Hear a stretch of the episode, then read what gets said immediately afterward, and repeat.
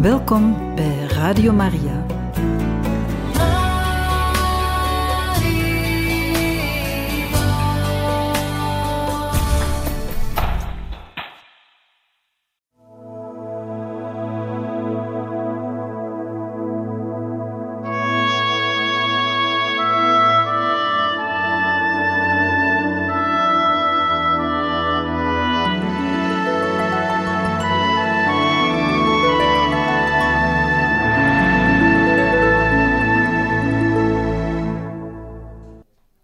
Want de laatste jaren van haar leven sukkelde moeder Teresa erg met haar gezondheid en ieder moment kon haar dood verwacht worden.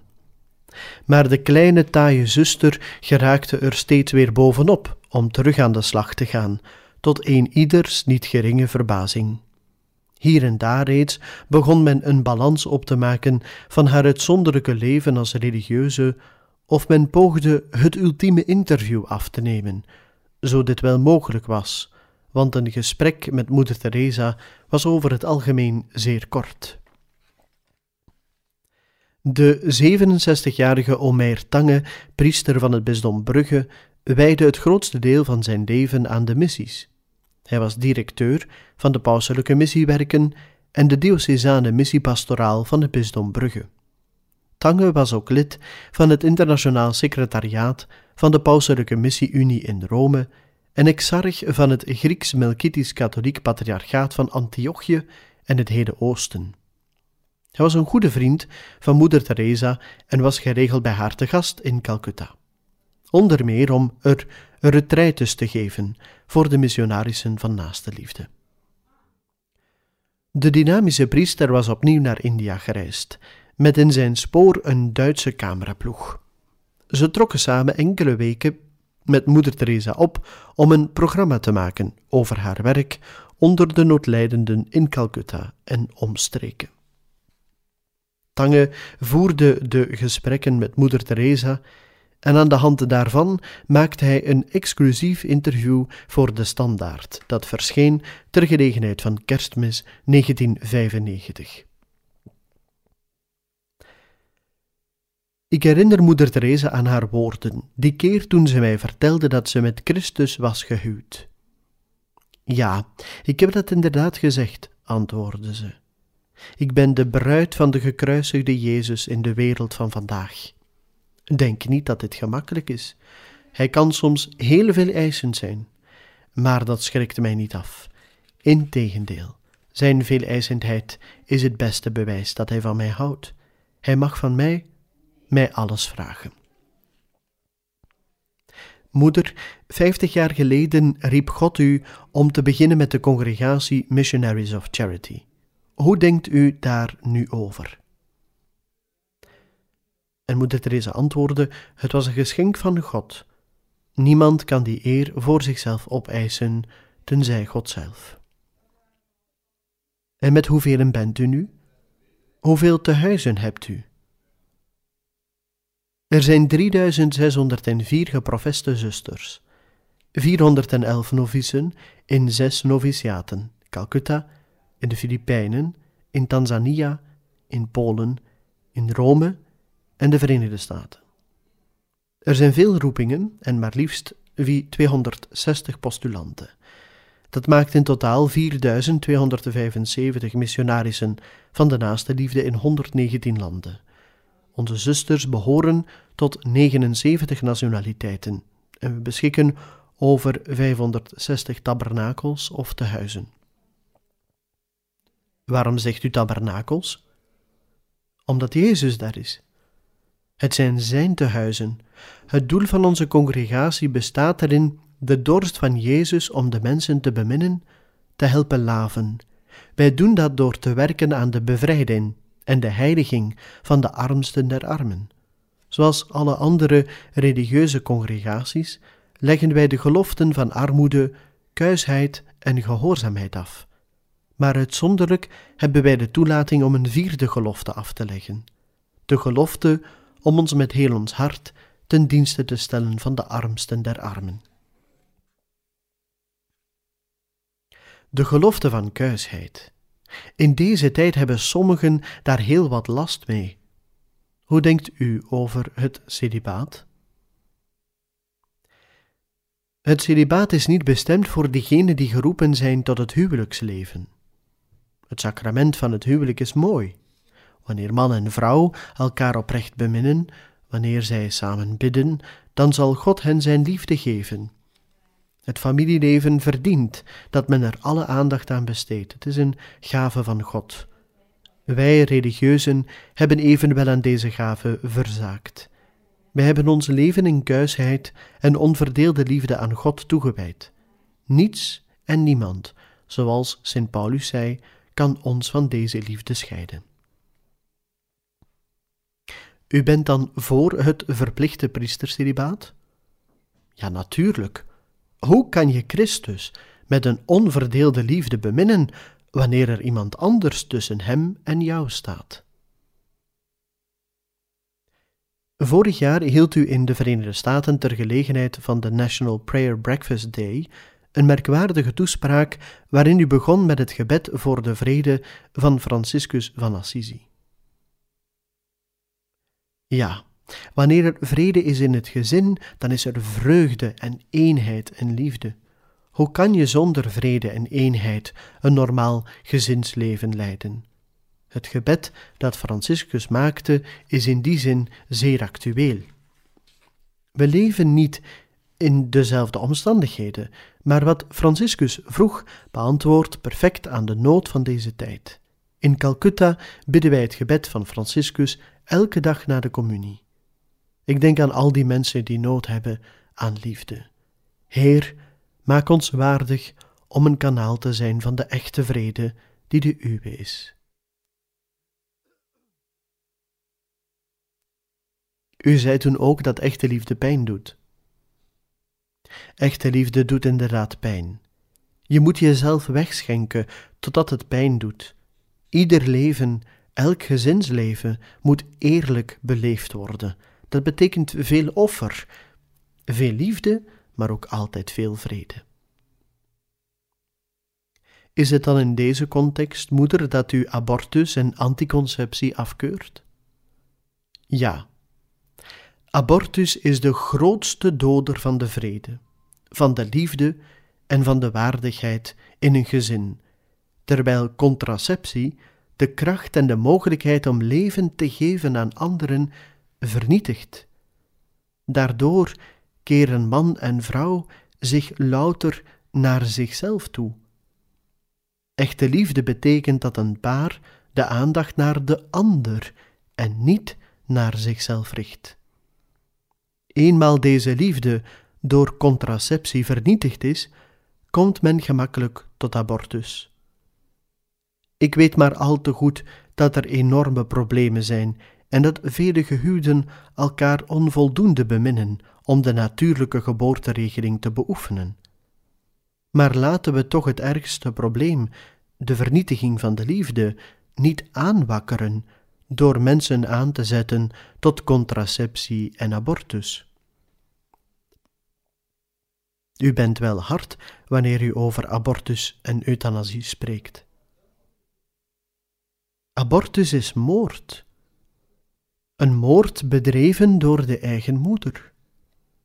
Dat is kwaad, vernietiging, destructie. Een kind heeft recht op leven. Indien een moeder haar eigen kind mag doden, wat mogen de mensen elkaar dan niet allemaal aandoen? Wij moeten dat voorkomen. Over euthanasie ben ik eveneens duidelijk. Wij hebben daartoe het recht niet. Wij moeten stervenden helpen door voor hen te zorgen en hen te laten voelen dat zij nog steeds bemind worden. Veel van deze mensen die aan hun leven een einde willen maken, vragen dat omdat ze zich ongewenst en onbemind voelen in hun omgeving. En de beste geneesmiddelen zijn tederheid, genegenheid en liefde. Wat contraceptie betreft, pleit u voor de natuurlijke geboortebespreiding. Inderdaad, wij raden de mensen aan vooraf goed na te denken vooraleer zij kinderen willen krijgen en na te gaan of ze er goed kunnen voor zorgen. De armen leren wij op een natuurlijke manier aan gezinsplanning doen. Wij doen dat met veel discretie en eerbied.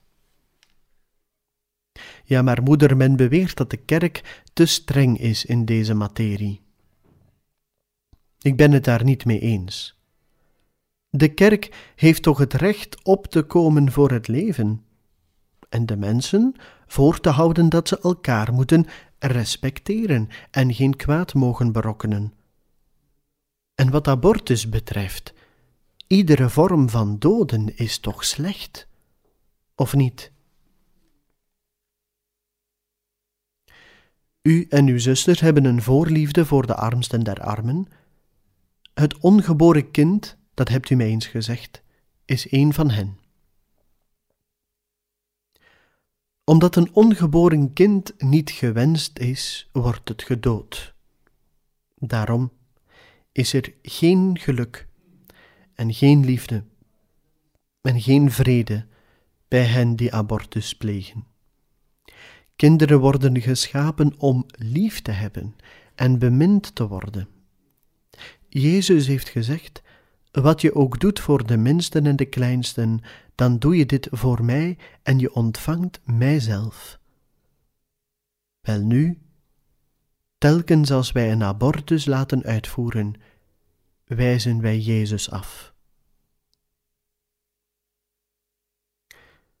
Moeder, u hebt overal ter wereld tehuizen geopend voor aidspatiënten. Ja, dat klopt. Onder meer in de Verenigde Staten, Italië, Zaire, in India uiteraard ook. Vroeger pleegden velen, wanneer ze ontdekten dat ze aids hadden, zelfmoord. Wel nu, niemand van hen die in onze tehuizen wordt opgenomen, sterft wanhopig of verbitterd. Allen, ook niet-katholieken, sterven in vrede met God. Is dit niet mooi? Moeder, in uw constituties is sprake van een ononderbroken inzet met heel het hart voor de geestelijk en materieel armsten der armen. Maar wat bedoelt u dan met geestelijk armsten? Sommigen beweren dat u alleen maar aandacht hebt voor degenen die op straat liggen. De geestelijk armen zijn diegenen die Jezus nog niet hebben gevonden of door de zonde van hem zijn verwijderd. En wat degenen betreft die op straat liggen, ja, ze moeten toch worden geholpen. Ik prijs me overigens gelukkig dat ik bij dat werk veel hulp krijg van rijke mensen, aan wie wij zodoende de gelegenheid en de mogelijkheid geven iets moois voor God te doen. Zo zijn we begonnen met een centrum om meisjes uit de gevangenis op te vangen en te verzorgen. Ononderbroken komen mensen met materiële en financiële giften. Ondanks kreeg ik een brief uit de Verenigde Staten. Aan het geschrift kon ik duidelijk zien dat hij van een kind kwam. Moeder Teresa, las ik. Ik zie je zo graag. Ik stuur u mijn zakgeld en in de omslag stak een cheque van drie dollar. Voor dat kind was dit een groot offer.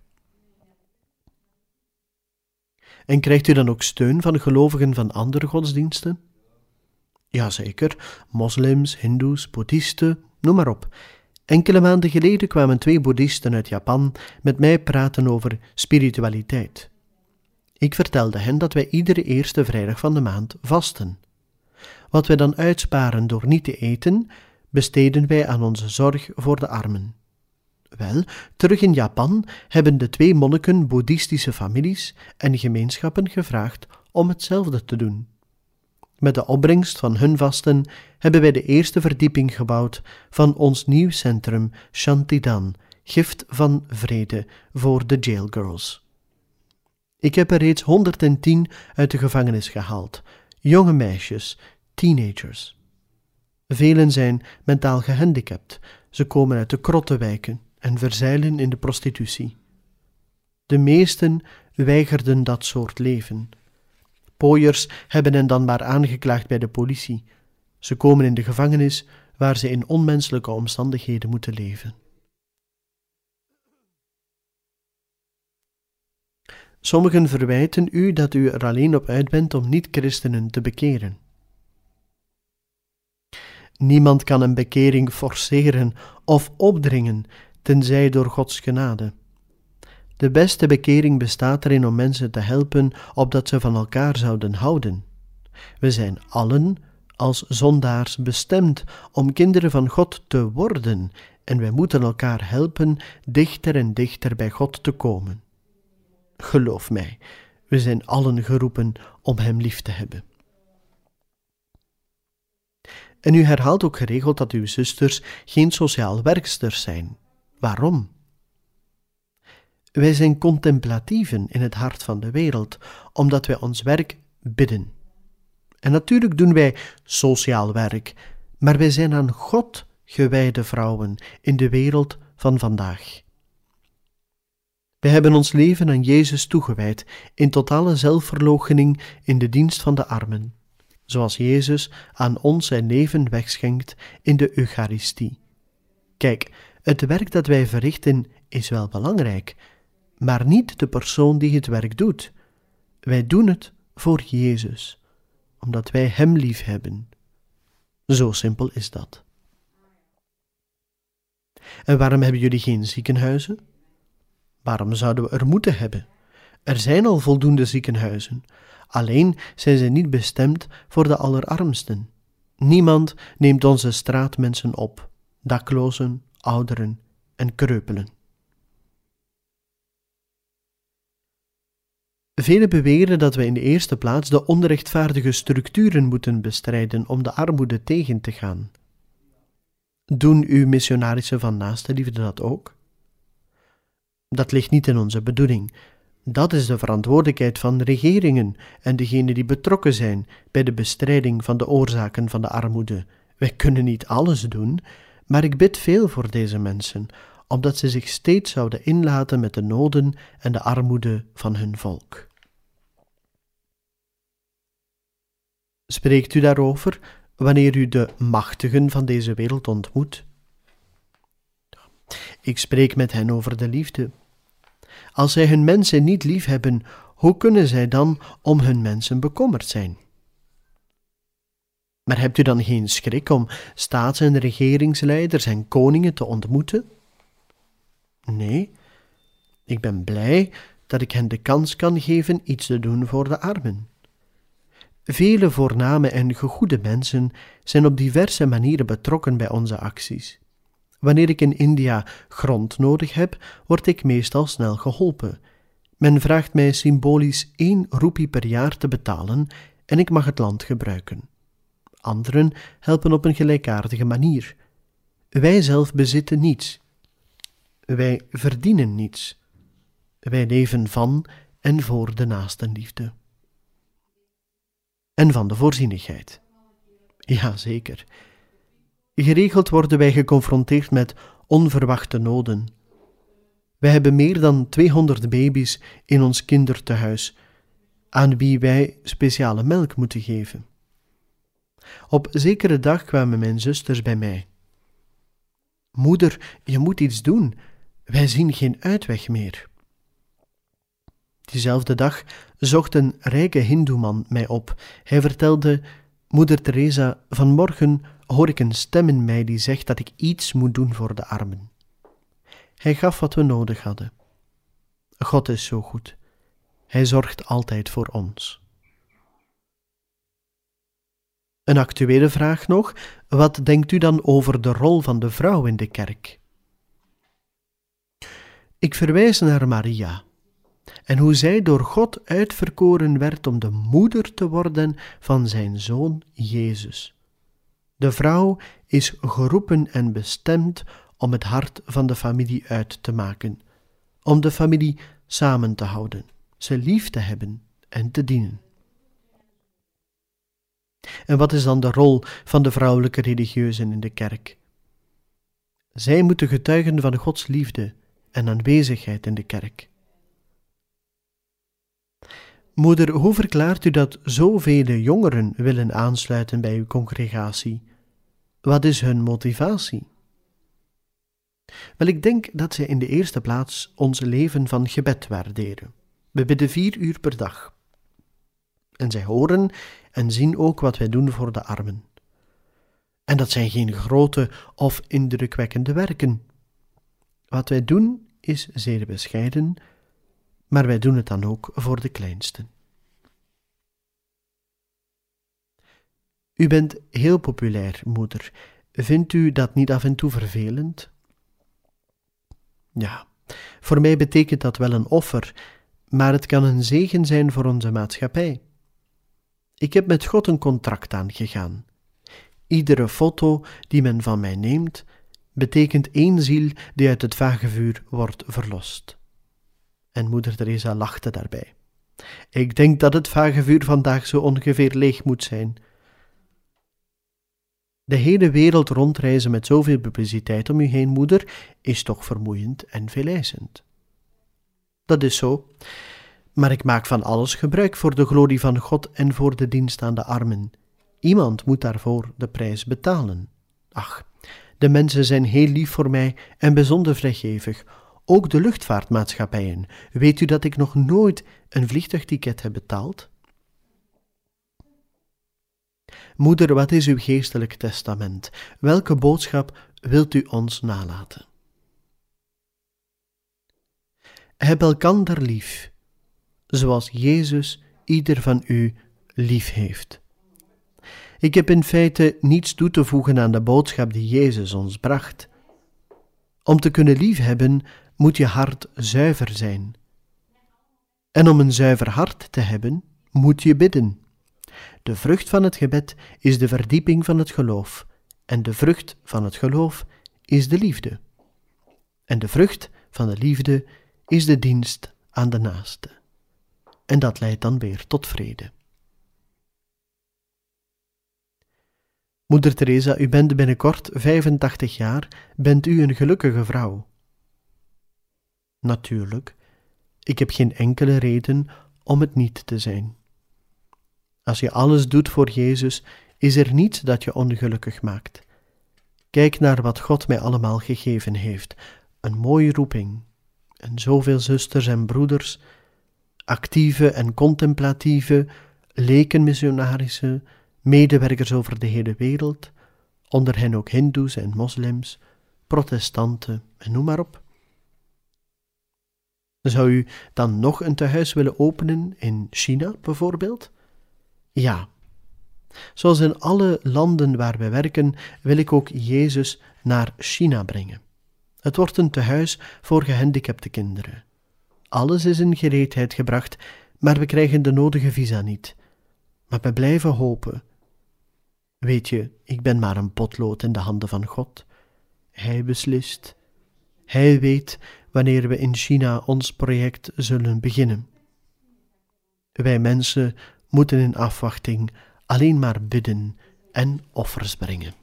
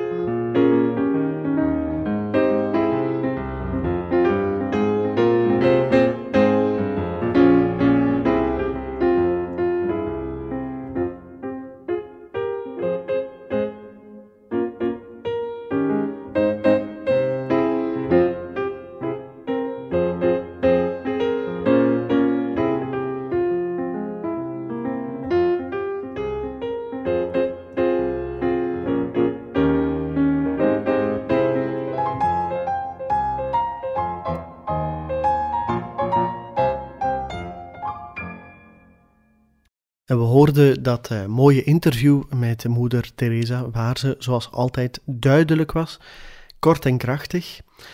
En we gaan dan langzamerhand naar het einde van haar leven toe. Ze is 85 jaar en in de jaren die daarop zouden volgen, zou ze toch langzamerhand uh, wat moeilijkheden beginnen krijgen met haar gezondheid. Zo was er onder meer ook een aantal momenten waarop ze toch wel ernstig ziek was en toch iedere keer terug er bovenop kwam om verder te doen en ze werd ook eens getroffen door een hartaanval. We tekenen zondag 24 november 1996 en moeder Teresa wordt opnieuw getroffen door een hartaanval. De dinsdag daarop stemde de zuster dan toch in met een opname in het ziekenhuis, waar ze eerder al met hartklachten opgenomen werd. Moeder weigerde aanvankelijk verder geneeskundig onderzoek. Volgens de artsen zou zij gevraagd hebben om te sterven. Ze zou daarbij verklaard hebben dat de armen zich zo'n behandeling niet konden veroorloven en dat er geen enkele reden was waarom dat voor haar wel mogelijk moest zijn.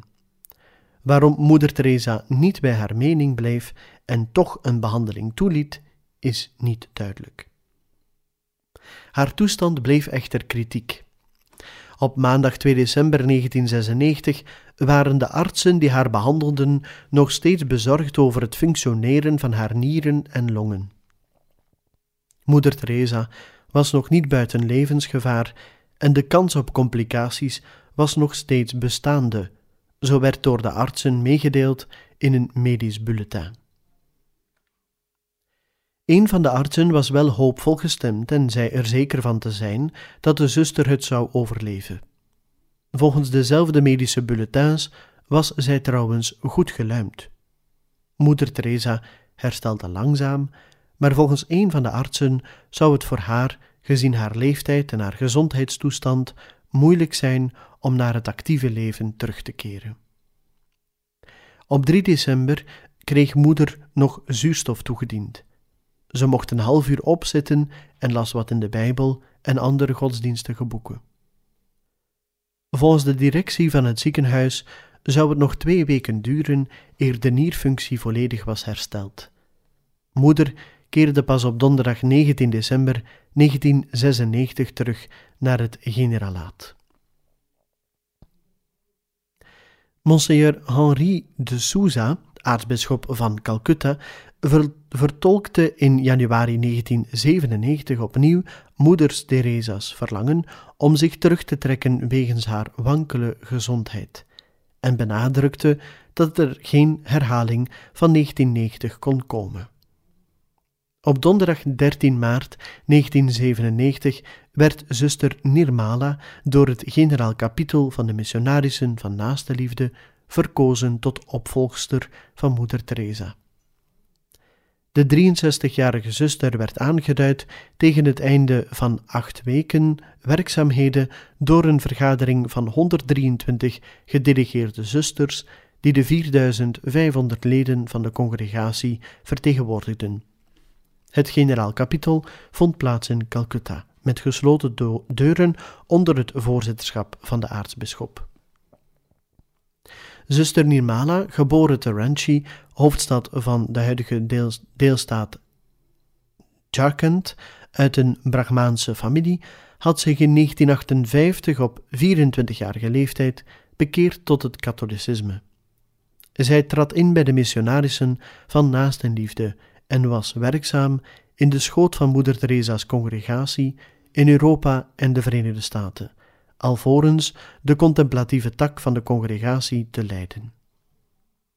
Zuster Nirmala werd een van de voornaamste medewerksters van Moeder Teresa. Haar verkiezing tot nieuwe algemeen overste had een belangrijke symbolische waarde.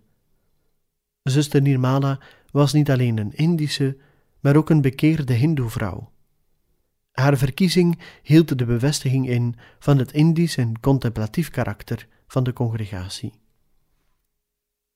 Zo kon de zieke moeder Teresa de leiding van haar omvangrijke instituut overdragen aan haar opvolgster. De stichteres toonde zich opgelucht dat iemand de fakkel had overgenomen. De twee zusters verschenen samen op het terras van het hoofdklooster in Calcutta. De heilige paus Johannes Paulus II stuurde een boodschap waarin hij vroeg dat het instituut zijn werk onder de armen zou voortzetten door niet alleen te voorzien in materiële welstand voor de allerarmsten, maar vooral in geestelijke weldaden. De aartsbisschop bestempelde de nieuwe algemeen overste als een zeer goede kandidate om de goddelijke inspiratie van Moeder Teresa te volgen. Tijdens het generaal kapitel werd besloten om de coworkers of medewerkers te raadplegen over de situatie waarin hun organisatie zich sedert 1994 bevond. Maar door het overlijden van Moeder Teresa zou deze aangelegenheid uitgesteld worden. Moeder Teresa was weer thuis. Ze had een taai gestel, zodat telkens de aanval overwonnen werd. Er was zelfs geen rolstoel in haar buurt te bespeuren. Ze stond zelfs op en liep wat rond. Alle omstandigheden in acht genomen maakte ze een vrij goede indruk. Ze zag er niet vaal uit en haar gezicht was vol rimpels. Ze liep iets voorovergebogen en was al steeds vriendelijk en blij. Voor deze of gene bezoeker had ze altijd een beetje tijd voor een kort gesprek. Ondanks medische adviezen en reden tot bezorgdheid in haar onmiddellijke omgeving, besloot moeder Teresa om toch naar Rome te reizen om er de professie van nieuwe leden van de congregatie bij te wonen en haar opvolger, opvolgster voor te stellen aan de Heilige Vader, vermits zijn congregatie een instituut van pauselijk recht was. Deze audiëntie vond plaats op 20 mei 1997. Vanuit Rome vloog moeder Teresa nog eens naar Amerika om er de professie van nieuwe zusters bij te wonen en om op 5 juni 1997 een gouden medaille van het congres in ontvangst te nemen voor haar onbaatzuchtige werk, zij die het Amerikaanse staatsburgerschap ontvangen had. In de Bronx, te New York, ontmoette zij de Britse prinses Diana. Het was haar laatste wereldreis. Op vrijdag 5 september 1997, juist een week na haar 87ste verjaardag te hebben gevierd, overleed moeder Teresa rond 9 uur 30 s'avonds plaatselijke tijd in haar hoofdklooster te Calcutta te gevolge van een hartaanval.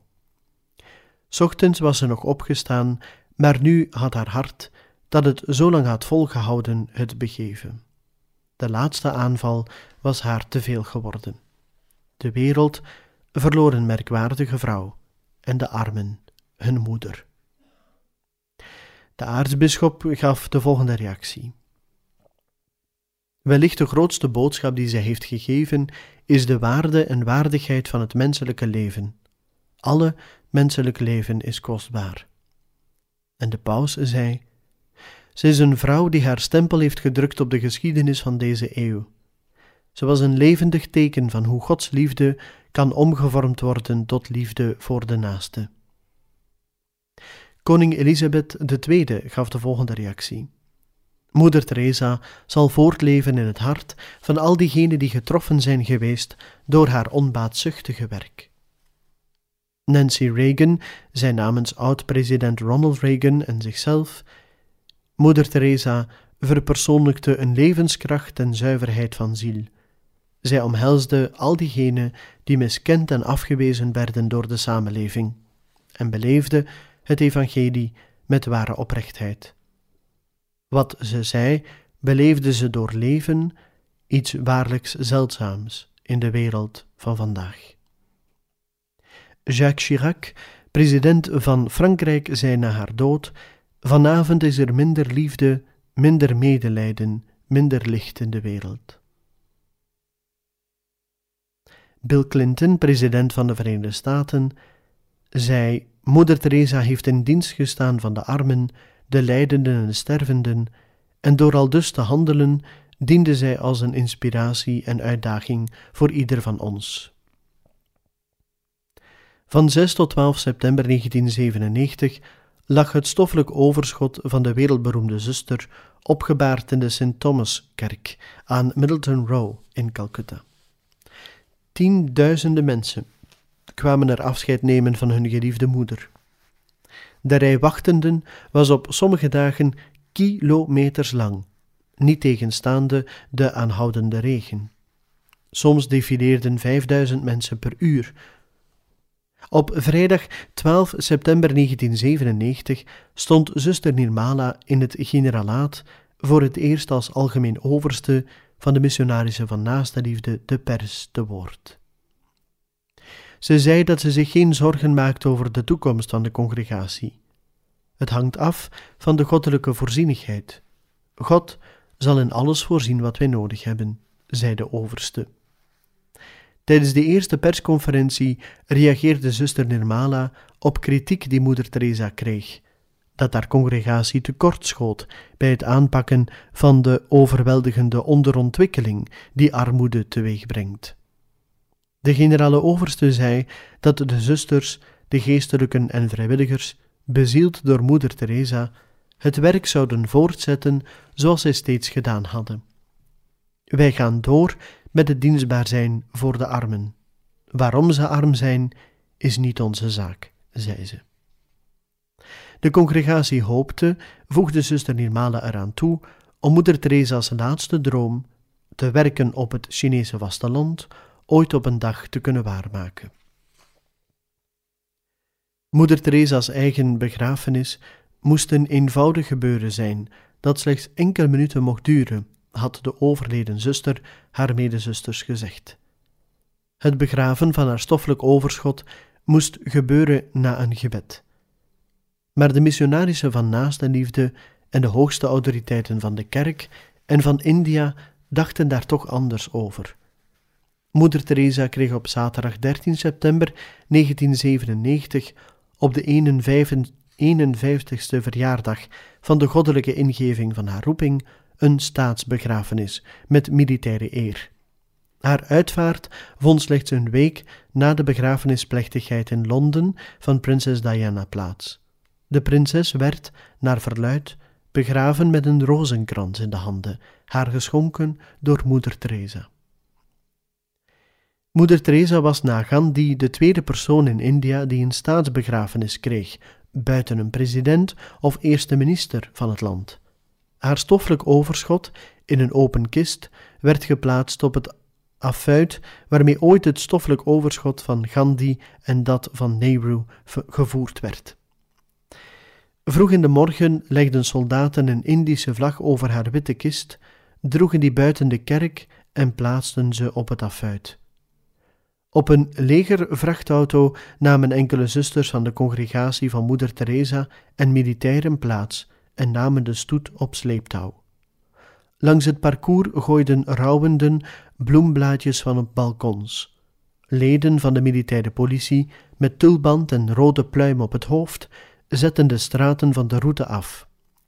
Het was van aan de St. Thomaskerk drie mijl ver naar het grote Nethuis Indoor Stadion, dat met zijn 15.000 zitplaatsen een logische keuze was wegens het regenseizoen. Duizenden mensen wilden een laatste glimp opvangen van de zuster, en kleine groepen geraakten door de politiecordons en liepen langs de stoet mee. Een kruis van witte bloemen hing vooraan aan de vrachtauto die het afuit trok. De route werd op het laatste ogenblik langer gemaakt om de inwoners van Calcutta de gelegenheid te geven Moeder Teresa's stoffelijk overschot te kunnen zien. De metropool telde 12 miljoen inwoners, waarvan een derde in krottenwijken woonde. Op een bepaalde plaats zag men een groep melaatsen. Ze hadden de tranen in de ogen. Op een andere plaats zong een koor uit Calcutta het lied The Lord is my shepherd, toen het stoffelijk overschot voorbij kwam. Op aandringen van de zusters van moeder Teresa werd ongeveer de helft van de zitplaatsen in het stadion voorbehouden voor de ongelukkige mensen voor wie de overleden zuster zich tijdens haar leven had ingezet.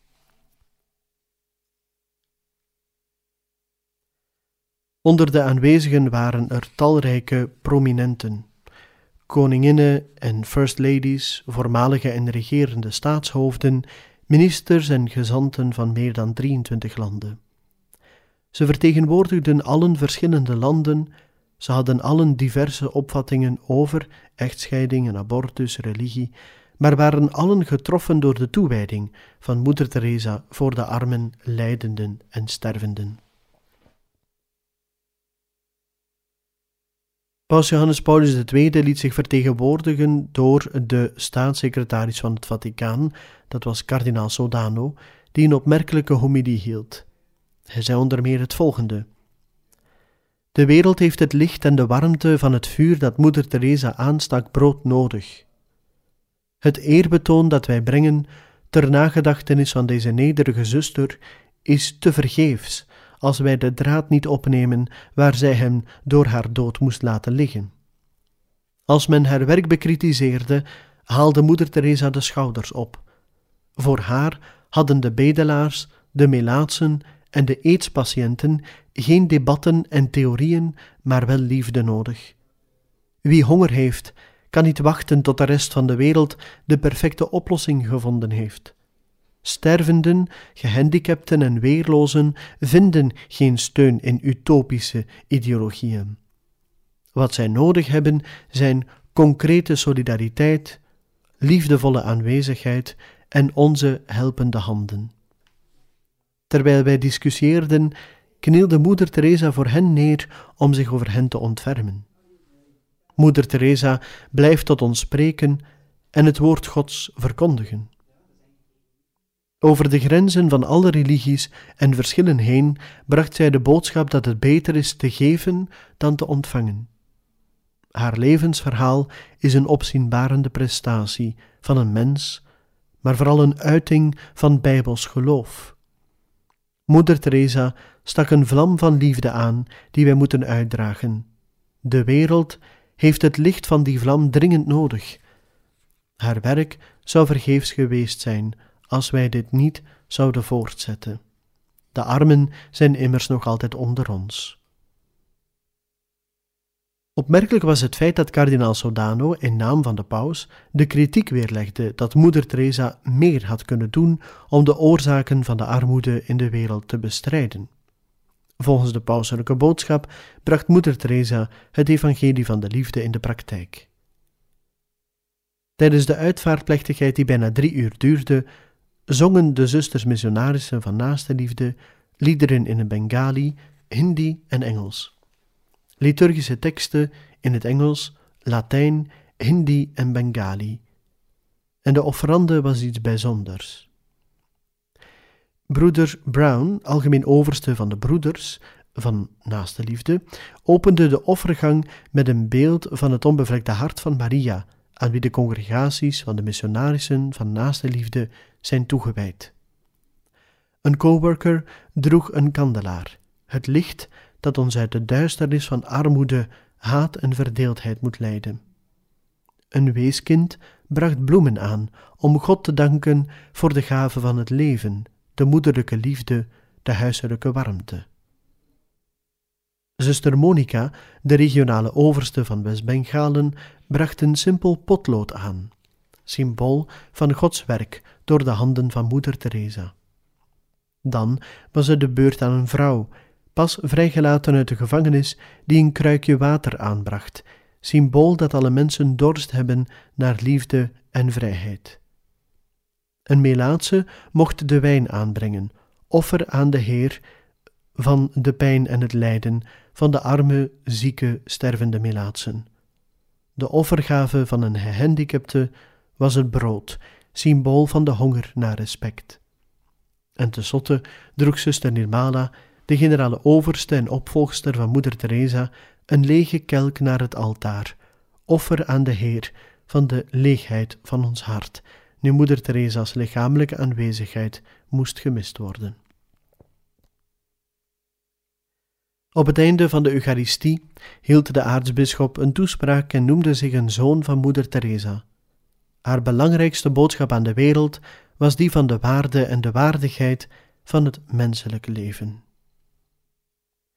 Na de lange plechtigheid in het stadion droegen militairen het lichaam van moeder Teresa naar buiten en plaatsten het weer op het speciale voertuig.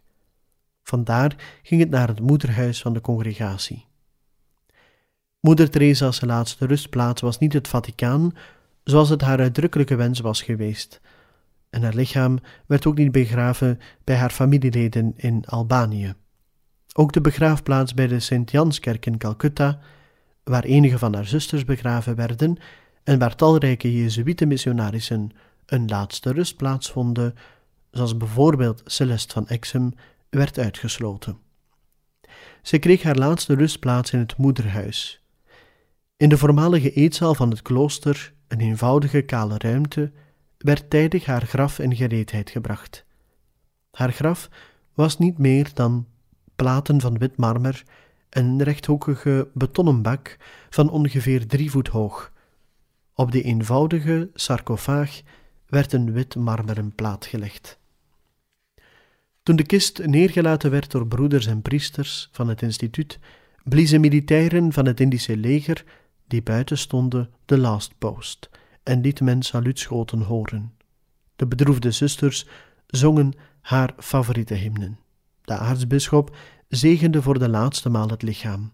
Aanwezigen hooiden een handvol aarde in het graf.